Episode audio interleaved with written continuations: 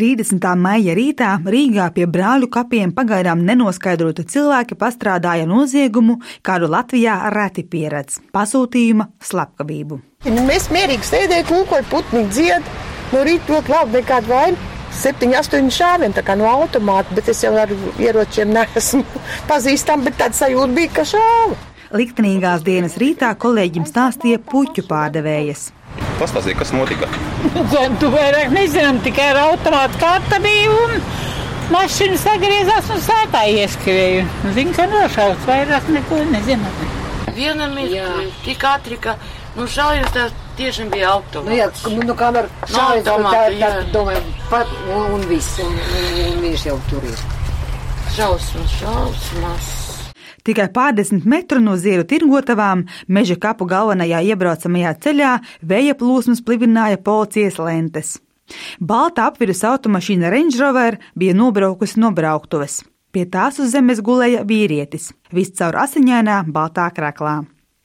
Ziņu virsraksti vēstīja, ka nošauts advokāts, maksātnespējas administrators Mārtiņš Bunkus.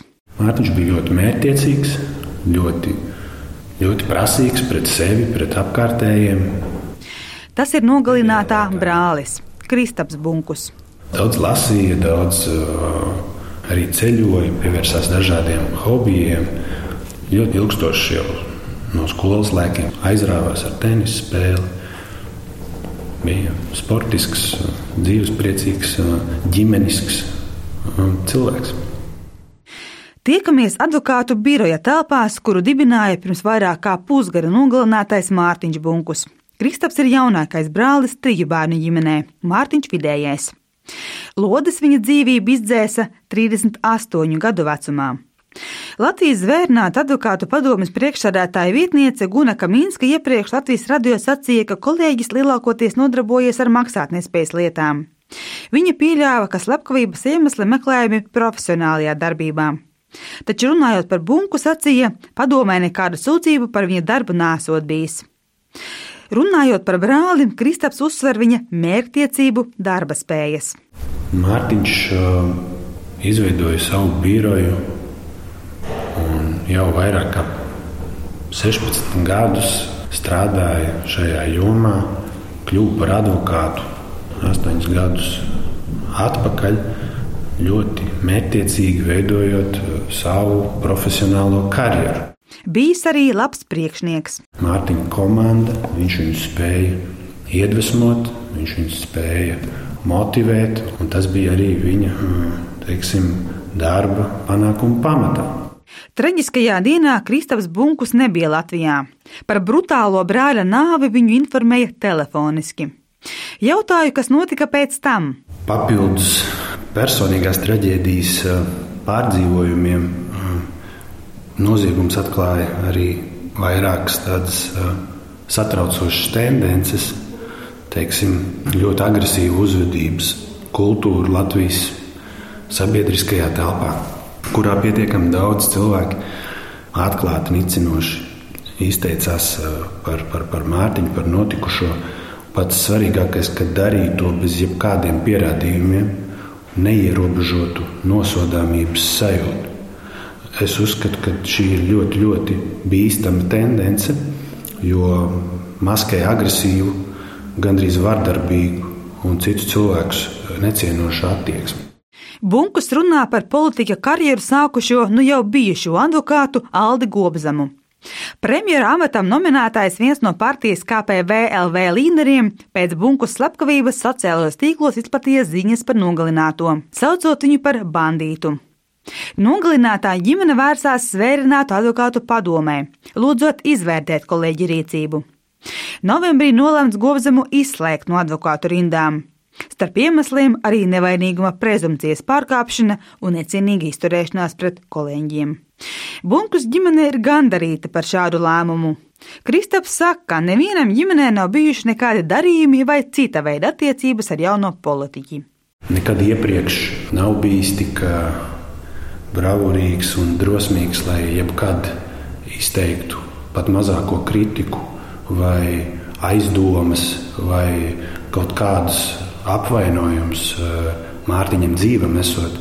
Tāpēc ļoti izbrīna šī viņa lielā drosme, ko viņš saņēmās tieši pēc Mārtiņa nāves, tas noteikti arī daudz ko liecina par, par pašu cilvēku.